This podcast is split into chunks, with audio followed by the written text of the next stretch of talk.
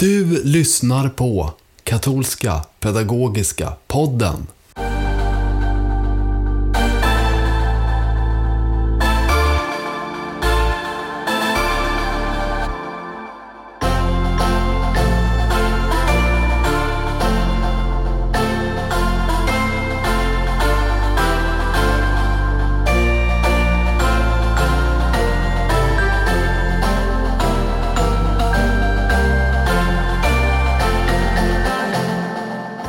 Visst, ännu ett avsnitt av Katolska Pedagogiska Podden har precis börjat att höras i dina hörlurar kanske.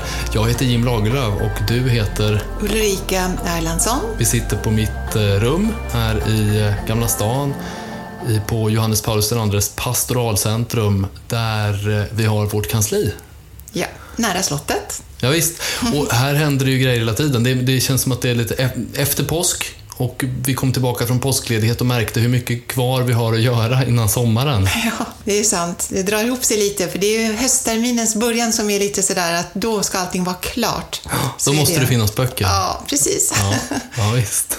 Men Jim, du har faktiskt varit borta flera veckor här nu under våren. Berätta, du var i Rom. Mm. Jag hade möjligheten till det eftersom ja, vi fick vårt andra barn förra året och då kunde vi vara lite föräldralediga samtidigt, jag och min fru. Då. Så då reste vi hela familjen till Rom och vi skulle egentligen också åkt tåg hem genom eh, Frankrike och Tyskland men det, det blev inte så för vi blev magsjuka. Så det, var, det var en resa som Ja. inte bara var positiv. Eh, Men jag, och jag, jag jobbade samtidigt som, som jag var där i alla fall Ja. lite grann. Ehm, dels ehm, så fick jag chansen att möta Donna Orsoto, eh, som ju är professor vid Gregoriana universitetet. Eh, Och våran gäst på kongressen. Ja men exakt, hon kommer ju i höst. I september kommer hon hit och eh, för, både föreläser och håller workshop på kongressen. När du hör det här i podden då finns det fortfarande någon dag, några dagar kvar att anmäla sig till kongressen, så passa på att gör det om du inte har gjort det. Men det blev lite, lite märkligt.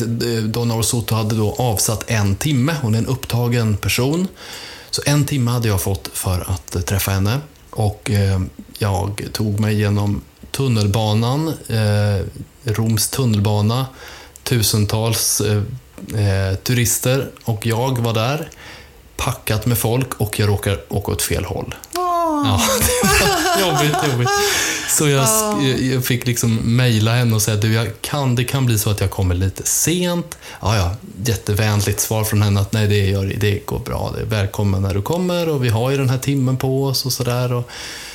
Sedan, jag följer min Google Maps. ehm, Du vet, man har ställt in att man ska till en viss plats och så följer man hur man ska gå. Och jag tror att det ligger på andra sidan gatan än vad det gör åh. och ringer henne och säger du, jag, jag hittar inte ingången. Och hon försöker guida mig och förklara och jag tror ganska lång period att jag, att jag är på rätt sida gatan Ja. och jag är på fel sida. Och det, vi pratar kanske i telefon i ja, men 20 minuter eller någonting. Så men, jag, ja, visst. och när jag väl kommer fram och liksom frågar, vill du ha ett glas vatten? Vill du sätta dig och vila? För jag är liksom helt uppjagad, uppskakad där att det blev ett sånt fiasko när jag skulle träffa henne. Men hon var väldigt vänlig och trevlig och intresserad av Sverige och hon ser verkligen fram emot att få komma hit och, och möta oss. Och det blev faktiskt en liten intressant film som finns på vår hemsida. Så den, hon hon är, har en fantastisk utstrålning och Jo. eh, utstrålar värme och vishet i en härlig kombination tycker jag. Så den, den kan jag också rekommendera att titta på den. Ja, men absolut. Och hon, hon pratar mycket om glädje och det är inte bara något hon pratar om utan hon framstår som en glad person. Någon som bottnar i detta att, att Ja. vi kateketer, eller alla som håller på med undervisning i kyrkan, även präster, diakoner, ungdomsledare, alla vi har nytta av att smittas av Ja. glädjen Det är det glada budskapet. Ja. Jag tycker också det är fantastiskt att hon har gjort det till ett stort tema i, sin, i, ja, i sitt arbete. Och hon, hon kontrasterar ju. Hon säger så här att det, är, det ska vara ett glatt budskap, men det är också ett komplicerat och kanske utmanande budskap som kyrkan kommer med. Särskilt i vår tid när vi liksom ibland går i otakt med samhället och så. Då är det viktigt att man, man som vittne om det här budskapet ändå bottnar i att det är glädjen i, i botten då på något sätt. Ja. Ja. Men det får hon själv prata mer om med alla oss som kommer till kongressen. Ja, jag ser jättemycket fram emot att träffa henne och få och lyssna till henne helt enkelt. Precis, och eh, det om detta. Du själv har också varit ute på en resa till Danmark, eller hur? Ja, Birgittinerna startade ett eh, Birgittakloster på 1400-talet i Maribou och där hade jag glädjen att samlas till den årliga nordiska kateketkonferensen. För det är en jättefin tradition att vi varje år brukar träffas, vi kollegor i Norden och även Island är med. Eh, och vi har ju faktiskt jättefint samarbete och det är faktiskt väldigt inspirerande att bara träffas och vi delar ju relativt lika förutsättningar. Jag menar, vi är minoritetskyrkor, vi är väldigt multikulturella eh, och, och, och, och kan ändå jämföra ganska väl våra utmaningar och situationer. Och så har man ändå lite olika tyngdpunkt och, de har valt att satsa på delvis lite olika saker. Men det, är alltid väldigt roligt tycker jag att, mötas och höra hur de jobbar. En gång i tiden hade vi ju till och med gemensam bokutgivning. Hela, vi hade kateketiskt bokprogram som vi helt och hållet eh, delade allt utav. Okej. Nu är det lite mer så att till exempel de har valt att också översätta alla våra böcker som vi har eh, På väg med Kristus, bok 1, bok 2 som vi har. De finns på danska och på finska. Just det. Eh, Och vi har i vår tur översatt lite material från dem. Nu till exempel Grattis dopet var ju det senaste. vi Ja, hade från faktiskt, Danmark. Ja, från, översatt från Danmark. Eh, Och också några filmer till bok 1 som de, Marcelino, min kollega där, hade gjort. Mm. Väldigt intressant är till exempel den finska situationen. Det tror jag många inte vet i Sverige. Att eh, precis som vi har modersmålsundervisning i de svenska skolorna Mm. så har man i Finland möjlighet att få religionsundervisning enligt sin egen religion. Just Om det, det, finns mer än tre, eller tre barn i en skola, som till exempel är katoliker, så har föräldrarna rätt att söka eh, katolsk religionsundervisning. Eh, och det tycker jag är fantastiskt. Det, och staten bekostar allting. Och då använder de till exempel eh, KPNs böcker, fast de har översatt det då till finska. Och det visar för en, på en helt annan respekt för människors som religionsfriheten, vår frihet att välja den religion vi vill tillhöra. Och staten uppskattar det. Precis som man här anser att det är betydelsefullt att vi har ett modersmål, så anser man där att det är viktigt att man får följa också i föräldrarnas eh, val av religion.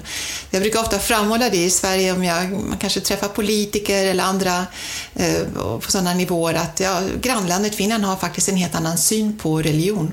Mm. Och den kanske är lite vanligare ute i Europa, men här i Norden är det lite unikt då kanske, det, som, det system som Finland har valt. Ja, ja. Finland brukar ju vara, i alla fall i Sverige, man brukar peka på Finland och säga att de har en väldigt bra Vi skola där. kunna prata om det här också. Men det jag sitter och funderar på, det är om ni åt smörrebröd. Absolut, Ja. det gjorde vi. Han vi med. Ja, bra. Fast de har blivit mångkulturella de också. Jaha. De har lagt hummus på dem nu. Ja, okej. Ja, men det var gott. Mycket bra. gott. Ja. Mycket bra. Ehm, visst, och förra avsnittet, det var ju premiär. Då var det biskop Anders som intervjuades av mig. Och den här gången, vet du vem jag har träffat? Ja, Benedikta Lindberg från Respekt. Just det. Henne ska vi lyssna på nu.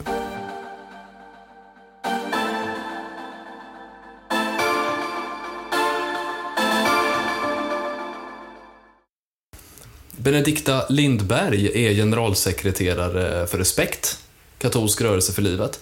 Hon är sexbarnsmor och hon kommer ursprungligen från Tyskland där hon utbildade sig för att arbeta med sociala frågor. Eh, hon är också gift med Ulf Lindberg som är min gamla kompis från jag har ju haft konfirmander tillsammans med honom, så om jag ställer extra snälla frågor så beror det på det. Det, det finns en jävsituation här. Välkommen hit, Benedikta. Så det är inte för min egen skull som du ställer snälla frågor? Nej, jag sa ju det innan att jag är sugen på att grilla dig lite grann här. Aj då. Nej, det tror jag inte jag kommer göra, utan vi kommer prata vänligt med varandra. Men eh, okej, om man inte känner till eh, respekt, om man inte vet vad det är, kan du berätta lite? Vad är den här rörelsen för livet? Respekt eh, är rörelsen för livet som du helt korrekt säger och det är katolska kyrkans rörelse för livet och det är ett stiftsorgan inom Stockholms katolska stift och eh, eh, Respekt värnar om livet och arbetar med frågor som rör människolivet och människovärdet. Med medicinsk-etiska frågor. Jag tror att när man, när man pratar om människolivets värdighet, eller allas lika värde som man säger i Sverige ofta. Det låter ju som någonting som alla är överens om. Man säger så här, men alla tycker väl att alla människor har samma värde. Men visst är det väl så att respekt och den katolska kyrkan ibland har en kritik mot det moderna samhällets sätt att prata om människovärde på? Katolska kyrkan ser ju att livet börjar vid konceptionen eh, och eh, människovärdet är från tillblivelsen vid konceptionen till den naturliga döden. Och där skiljer sig tonen i samhället som eh, kanske inte alltid vill se de där biologiska fakta att eh, eh, livet börjar precis där. Det mänskliga livet börjar vid konceptionen och dess värde börjar med, med det. Alltså förr i tiden så kan man väl tänka att eh, samhället och kyrkan var överens om det här, men inte numera. Vad tror du att det beror på, den här förändringen? Det är för att det styrs väldigt mycket av ideologi, samhället. Eh, att eh, det är ganska pragmatiskt tänkande också. Att det passar väl in. att eh, ja, Då säger man att kvinnan får bestämma över sin egen kropp men eh, bortse från fakten att det ofödda livet inte är en del av eh, kvinnors kropp. Vad, vad beror den här ideologin, var kommer den här ideologin ifrån? Liksom? Pragmatism, det passar så väl in. Att, eh, frihetstänkande kallas det för. Att man vill ha frihet att kunna bestämma över sig själv och över sitt liv och över sin kropp. Och eh, vill kunna göra vad som helst. Och, eh, då, då passar eh, sådana begränsningar att man måste ta hänsyn till ett annat liv inte in. Det låter ändå hårt och alltså, som en ganska egentligen aggressiv syn på människolivet då, att man kan bestämma själv vad som är ett människoliv och inte. Jag vet inte om aggressiv är rätt uttryck, men eh, det är helt enkelt att man bortser från fakta för att det passar bättre in i, i situationen. Mm. Och man eh, vill helst inte ta hänsyn till någon annan utan bara till sig själv. Just det. Snarare egoism. Och du är, du är generalsekreterare för en rörelse då som, som försöker värna människolivet på det här, om man säger så, den biologiska definitionen av vad ett människoliv är. Vad var det som gjorde att du blev intresserad av de här frågorna då, eller att du ville jobba med det? Ja, som du sa i början, att jag kommer från Tyskland. Jag är uppvuxen i en stor familj med eh, bred socialt engagemang. Jag har arbetat med familjer i olika eh, nödsituationer. Sen kom jag till Sverige och när jag fick mitt tredje barn, när hon föddes, så um, hon, hon, hon var sjuk och där uh, eh, behövde jag för första gången i mitt liv på allvar ta ställning uh, om frågor som rör liv och död. När läkaren sa till oss att nu måste ni bestämma um, dag när vi ska stänga av respiratorn.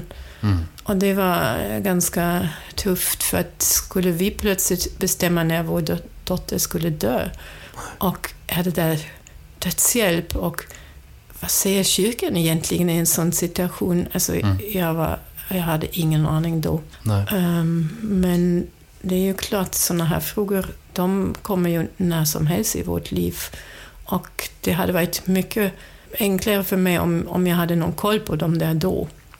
Det hade tagit eh, bort den där tyngden att behöva, alltså den där ångesten över att ta de, de här svåra besluten. Så på ett sätt är ditt engagemang nu liksom ett svar på någonting som du behövde när du var yngre och utsatt?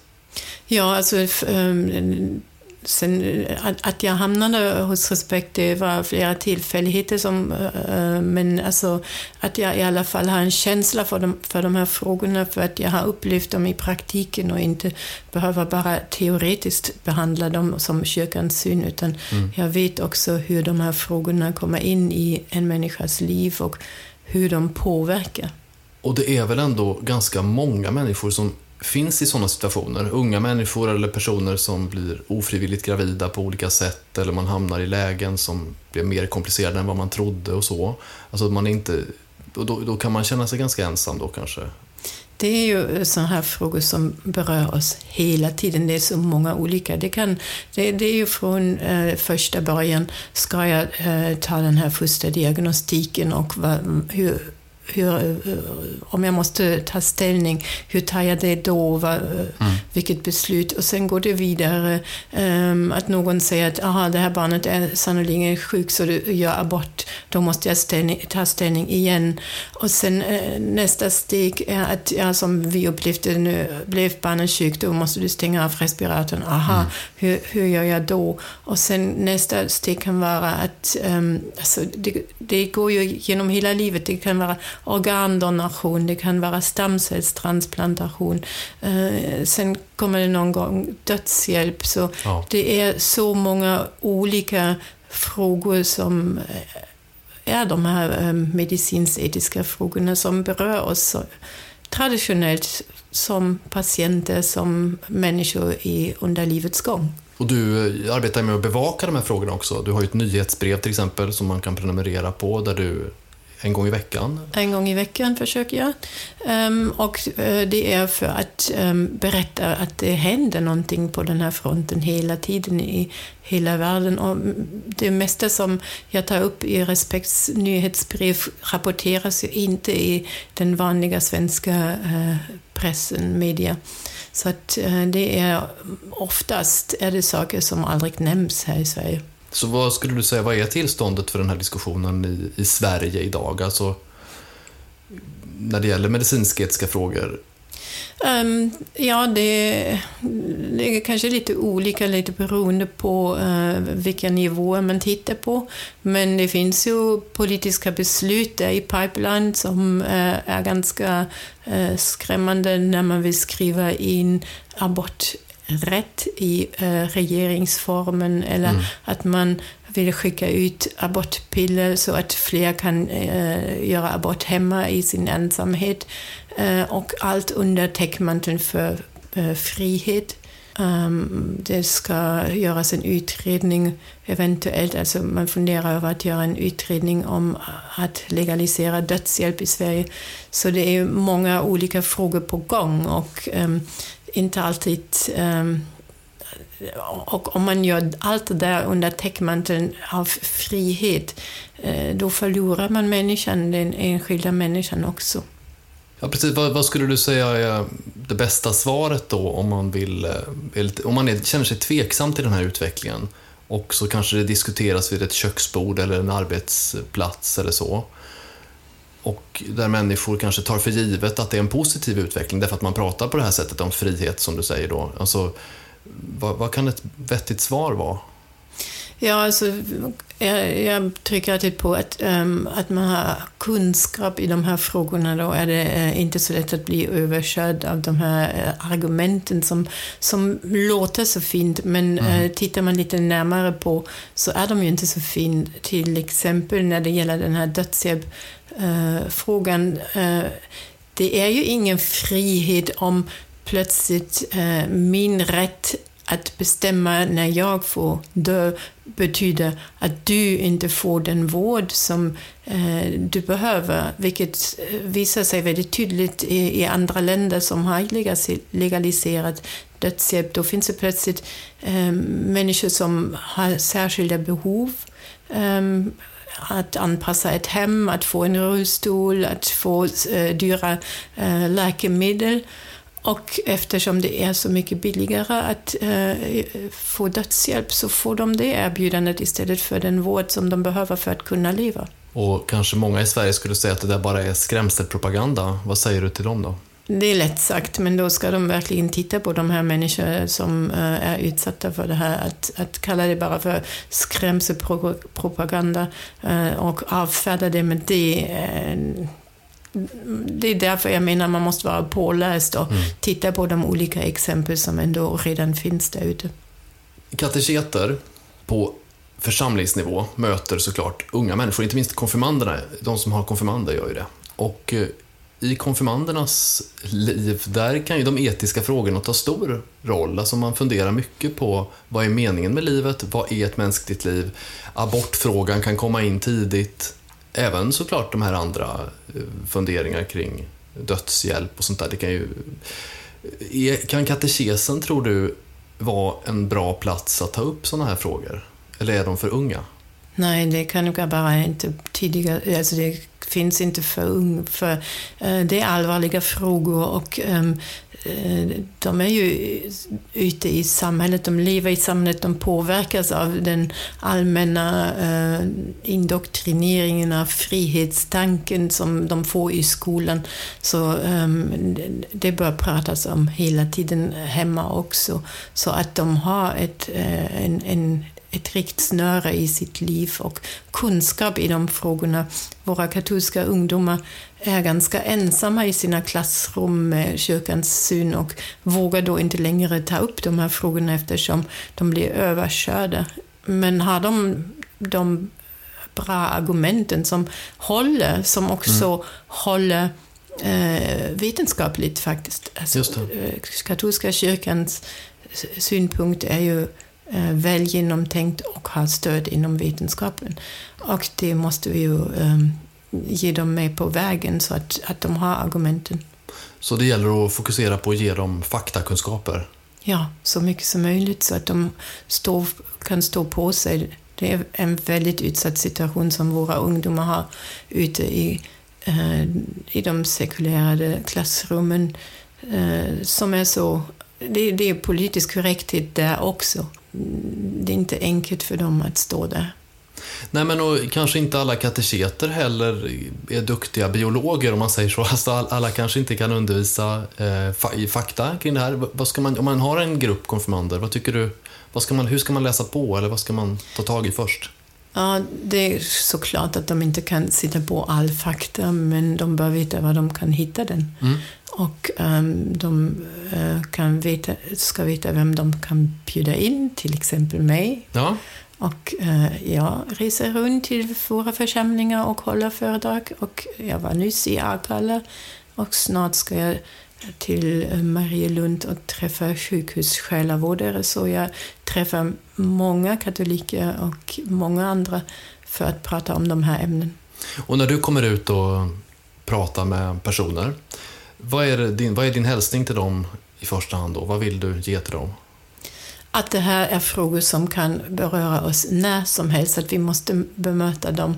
Och eh, det, det räcker inte att säga jag, jag läser imorgon, utan det är mm. idag som vi möter dem. Mm. Och vi eh, måste jobba på vår kunskap och eh, som sagt, du kan inte veta allt, men mm. du bör veta var du hittar informationen.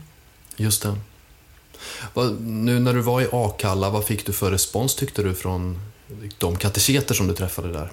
De tyckte att det var intressant, de hade velat diskutera ännu mer, mm. men de eh, var mycket glada åt eh, informationen de fick och eh, tyckte att det var en trevlig dag. Och du har ju en del material som man kan beställa från dig, eller hur? Om man vill läsa på själv. Ja, vi har en väldigt bra um, serie som heter eh, Samtal om och där uh, har vi samlat de um, flesta frågor som ställs och uh, det är alltså svåra frågor som får lättförståeliga svar. Och jag tror att någon gång när jag har haft konfirmander då tillsammans med din man Ulf, då har vi testat ett material som, som du har utvecklat som handlar om att man får testa dilemman. Ja. Är, varför tycker du att man kan få prova på det? Eller vad, vad ja, för att just utsätta sig för den där situationen att äh, äh, det här är en fråga som jag nu måste svara på. Mm. Hur gör jag det? Mm. Och äh, känner man på sig den här trängda situationen där man plötsligt måste komma med massa svar, då förstår man hur, hur det kan kännas. Åtminstone sådär lite på lek. Mm. Och eh, då får man förhoppningsvis en hunger att läsa på lite mer. Ja, för det, det, känns ju som att det man behöver, dels är det faktakunskaper och sen behöver man lite självförtroende också. Ja, och det är det också som jag tänker då på våra ungdomar ute i klassrummen, det där självförtroendet, att kunna stå för sin eh, åsikt som ibland kan vara rätt så ensam där. Eh, det behövs självförtroende och det växer ju genom att ha kunskap. Om mm. du sitter på fakta och kunskap och vet att du har vetenskapen i ryggen, då, då är det lättare att uh, ha självförtroende än om du svamlar lite om någonting som du inte riktigt har koll på. Nej. Nej, men jag tror också känslan av det här med grupptryck, att man inte vill ha, man vill inte vara den som sitter med en ensam åsikt när alla andra tycker likadant och då kanske man undviker samtal om det här och det gäller inte bara konfirmander och ungdomar, det gäller ju vuxna också, att man, man tycker inte om att prata om sådana här frågor, abort, dödshjälp, eh, andra frå frågor av liknande karaktär eh, som har med medicinsk etik att göra. Och då, alltså, då rullar det ju bara vidare. Va? Om, om ingen vågar prata om det eller, eller känna att de kan ta upp frågorna. Man måste passa på rätt tillfälle. Det är ingenting som man liksom tvingar fram på en middagsbjudning. skulle jag absolut inte rekommendera att ta upp de där ämnen. Men man måste ta dem vid rätt tillfälle och kanske inte alltid i den största gruppen utan kanske enskilda samtal. Mm. Um, väldigt mycket i de här frågorna är ju också hur man lever som förebild och absolut inte um, att uh, tänka sådär i svart och vitt och att det bara finns det ena och det andra utan de här frågorna måste hanteras med uh, en stor portion um, ödmjukhet. Mm. Inte med pekfinger. Mm. Det är kontraproduktivt. Och vad är det som gör att du fortsätter kämpa? Du känner en drivkraft. Vad är den? Ja, att jag tycker att vi eh, bör ehm, driva de här frågorna för livet, för, för ett gott samhälle. Det är en grund för ett gott samhälle att, ehm, att, att eh, vi eh, människor försäkrar för varandra att vi har rätt att leva och att vårt liv är värt att leva. Just det, och att det inte bara gäller mig själv utan det har faktiskt med andra människor också att göra. Ja, precis. Vi är ju inte på en öde ö utan vi, vi, vi lever i ett samhälle och alla är beroende av varandra. Och om vi då plötsligt säger att nej, men du har inte rätt att leva, men jag har rätt att leva, det håller inte i längden. Om man vill veta mer, om man vill läsa på mer, då kan man gå in på Respekts hemsida. www.respektlivet.nu Tack så jättemycket Dikta för att du kom och pratade med oss en liten stund. Tack att jag fick komma.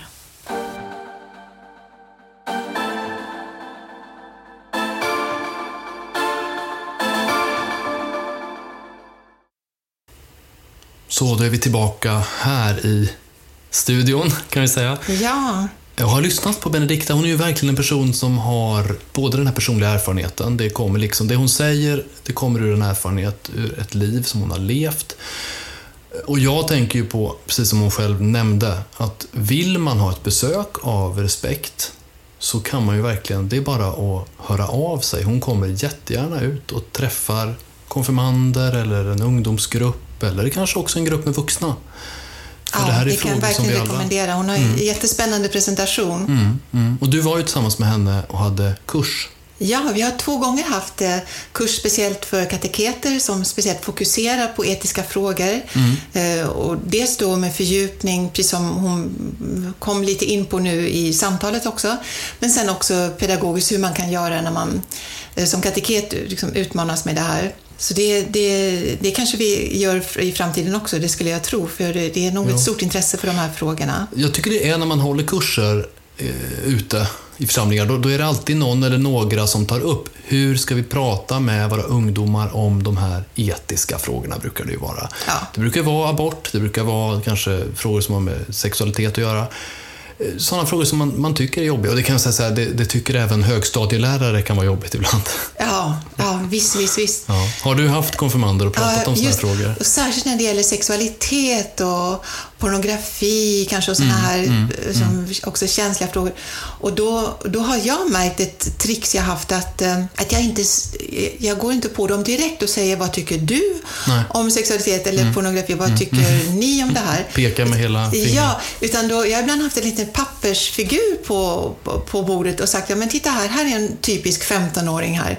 Vad tror ni att han eller hon tycker om pornografi eller om mm -hmm. sexualitet eller vad det kan vara. Mm -hmm. Och då är det så mycket lättare för dem att prata och bubbla på. Ja. Och jag förstår ju att de då ofta de facto ger uttryck för det de själva är uppfyllda av. Men jo. det blir lättare för dem att tala om det när man kan hänvisa till, ja, vad tycker den här 15-åringen? Ja, distansen det, blir som en hjälp där. Ja, ja, ja. Och sen vi, måste jag ju säga då att våra två huv, eller vår huvudbok när det gäller alla de här etiska frågorna, det är ju verkligen Twittra med Gud. Mm. För där mm. Finns det ju så mycket bra frågor och svar eh, kring hela den här, också fördjupning också med medicinetiska frågor, Ja. eh, abort, eh, liksom självmord, onani, liksom all, allting fi- finns med där, på ett, där man också lätt hittar. Så det är ju verkligen KPNs huvudbok i det här och den tycker jag borde finnas framme som en som ett lexikon nästan, som en. Mm. referensbok när man undervisar. Eh, bara för att kunna liksom, slå upp där och så att det finns lätt till hands när, när väl också sådana frågor dyker upp. För de kan dyka upp när som helst. Vi har, mm, kanske Mm. använder sig av frågelådor eller så, då är det bra att ha den. Jag har ett väldigt tydligt eh, minne av när vi hade, använde det här studiematerialet som Respekt har gett ut och eh, testade det i en konfirmandgrupp. Att eh, ungdomarna var väldigt, väldigt medvetna om vad kyrkan tycker, exempelvis om abort. Det var så självklart för dem och de nästan tyckte det var tjatigt. Va? Och jag vet ju inte, för när jag var i tonåren var ju inte jag troende. Men jag tänker så här, det finns ett sånt tryck på unga. Man är den enda i klassen kanske. Man är den enda i sin skola nästan som eh, behöver, alltså, jag är kristen, jag är katolik kanske. Och då, många, många, många vet ju, jaha, då är du emot abort, jaha, då är du, tycker du det här och det här. Ibland kan det ju vara värt i våra kateketiska sammanhang att låta ungdomarna få plats att uttrycka sig. Eh, Det är klart att de behöver veta vad kyrkan tycker, men de behöver också lära sig att med egna ord samtala om det här. För Ja. det är ju, precis som Benedikta också är inne på, det är inte svart eller vitt, utan ibland så måste man liksom få lov att resonera lite grann. Ja, och jag, jag måste säga att eh, det gör ju starkt intryck för jag tycker ofta mm, när man har konfirmandgruppen då kan det ju vara faktiskt sådana som kommer ut från gatan. Dels har man kanske några i gruppen som har gått hela vägen och som är väl medvetna om vad kyrkan tror och tänker.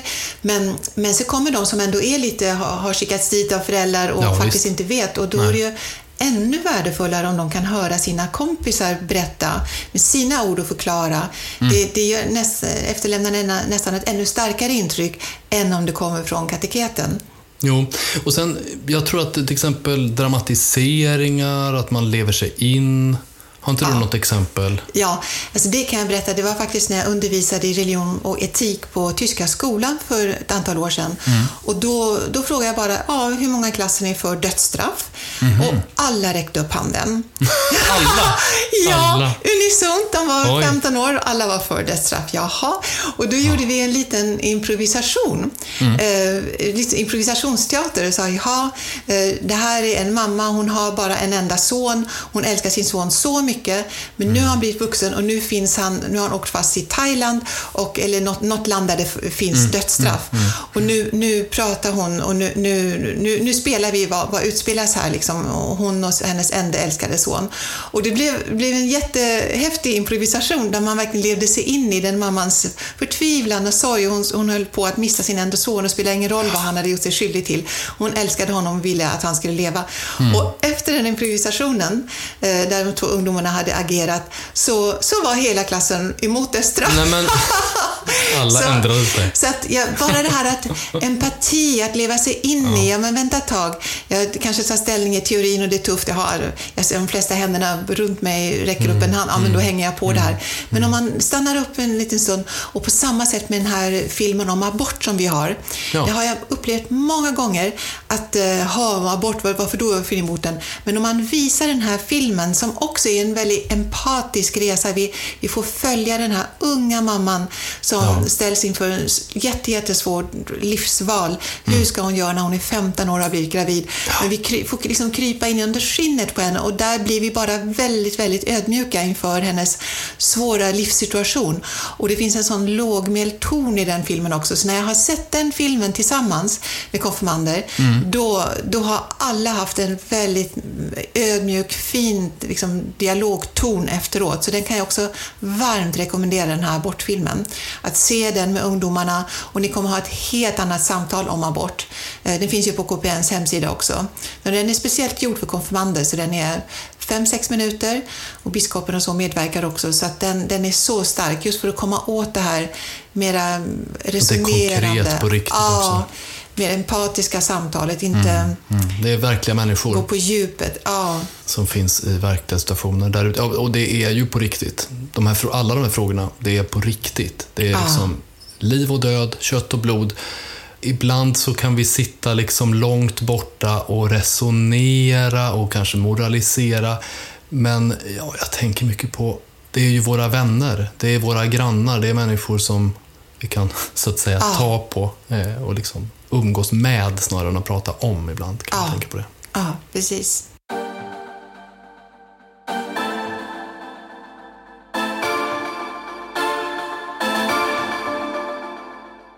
Nu har jag sprungit till vårt lager och hämtat en bok som är boktipset den här gången. Och det är 25 frågor och svar om katolsk tro. Ja. Vad är det för någon typ Ja, av det här är väldigt skojigt faktiskt. Det är en skojig historia för att eh, du vet, det finns ju jättemånga skolklasser, det kan vara högstadiet eller också gymnasiet, som då med sin lärare i religion kommer och gör ett studiebesök i en katolsk kyrka runt om i vårt land. Och det är jätteviktiga besök det här och, eh, och där försöker man kanske förklara kyrkorummet men ofta så möts man ju av frågor om, om just abort, eh, p-piller, påven, ja vad det kan Mm. Ja. vara.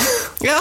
Visst. Och då fick vi på KP en förfrågan för flera år sedan att ja, men kunde ni inte ta fram en skrift för de här ungdomarna som inte vet någonting alls och som ger lite lätt, lätt, lättsam eh, förklaring av, av trons viktigaste frågor. Och så på det viset arbetade vi fram 25 frågor och svar om katolsk tro.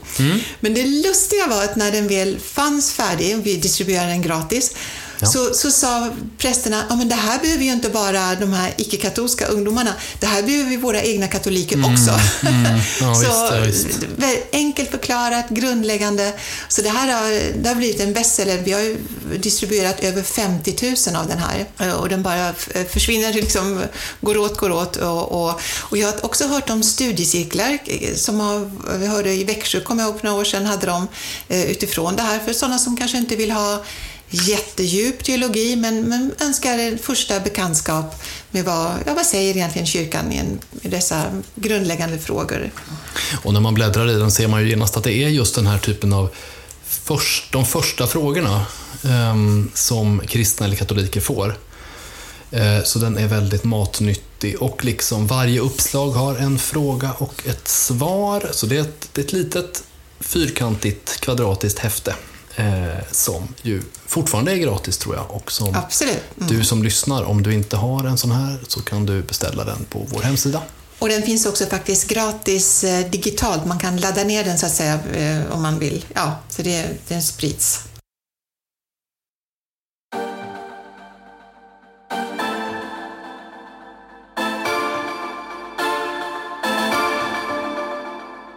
Vi har fått frågor Eh, till podden. Vi efterlyste ju det förra gången, att man har chans att mejla kpn katolskakyrkan.se. Eh, en fråga, så ska vi försöka svara. Och den här gången är frågan Jag är inte katolik, skriver en anonym frågeställare. Hur ska jag göra för att lära mig mer om den katolska kyrkans tro?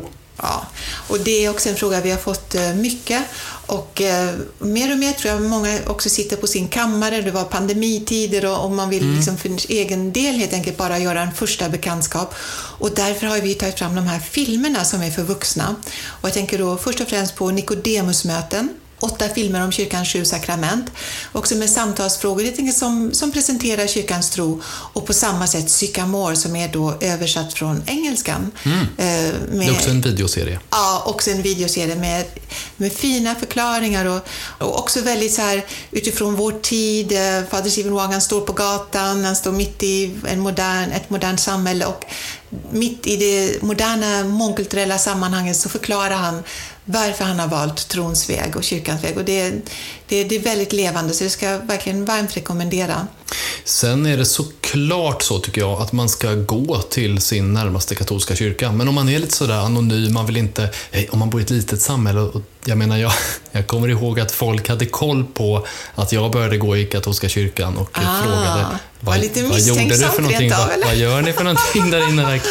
Eh, nej, men och det, det kan ju vara så att man inte vågar bekänna färg. Nikodemus som kom om natten. Ja, han gjorde ju det. Det är därför det heter Nikodemus Ja, men det är faktiskt därför. Det, det, det, det är därför vi kom på den här titeln, att det Mm. skulle vända sig lite till de här sökarna som vill upptäcka lite för sin egen del Ja, först, ja. som Nikodemus som kommer om natten. Det är, en, det är en underbar berättelse i Johannes evangeliet. Jo, och han sitter ju till och med med i judarnas råd, så han är Ah. ju teolog och har läst ordentligt i, Ah. i Gamla Testamentet såklart.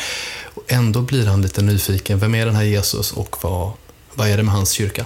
Men ja, såklart, kan man ta kontakt med sin katolska församling? Vissa församlingar, de stora som finns i stora städer, de brukar ha kurser ju. Ehm, mm.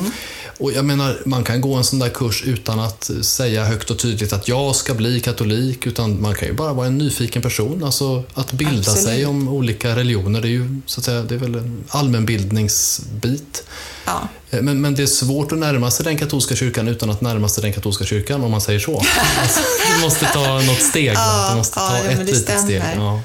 Sen hoppas jag ju att det finns många präster, lekmän där ute som säger Hej, välkommen hit, vad kul att du är här som Ja. ny. Vill du veta mer? Ja. Tänk, ibland har man hört att ja, men när jag är utomlands, då går jag så gärna Ja, in i ja, kyrkor. Men nej, här i Sverige, där har jag inte riktigt vågat och så. Det, det är förskräckligt Mm, synd. Och, och jag tycker, tror nog vi har en potential, vi katolska församlingar i Sverige, att vi skulle kunna bli ännu mer välkomnande och ännu mer upptäcka. Ja, men titta, du är här första gången. Mm. Visst. Vad kul, eh, vad, vem är du och, och välkommen hit och, och så. Så att eh, där en, en välkomnande kultur som vår påve Franciscus ofta talar om. Ja, visst. Det, det måste vi alla bli ännu duktigare på. Visst, där finns det potential.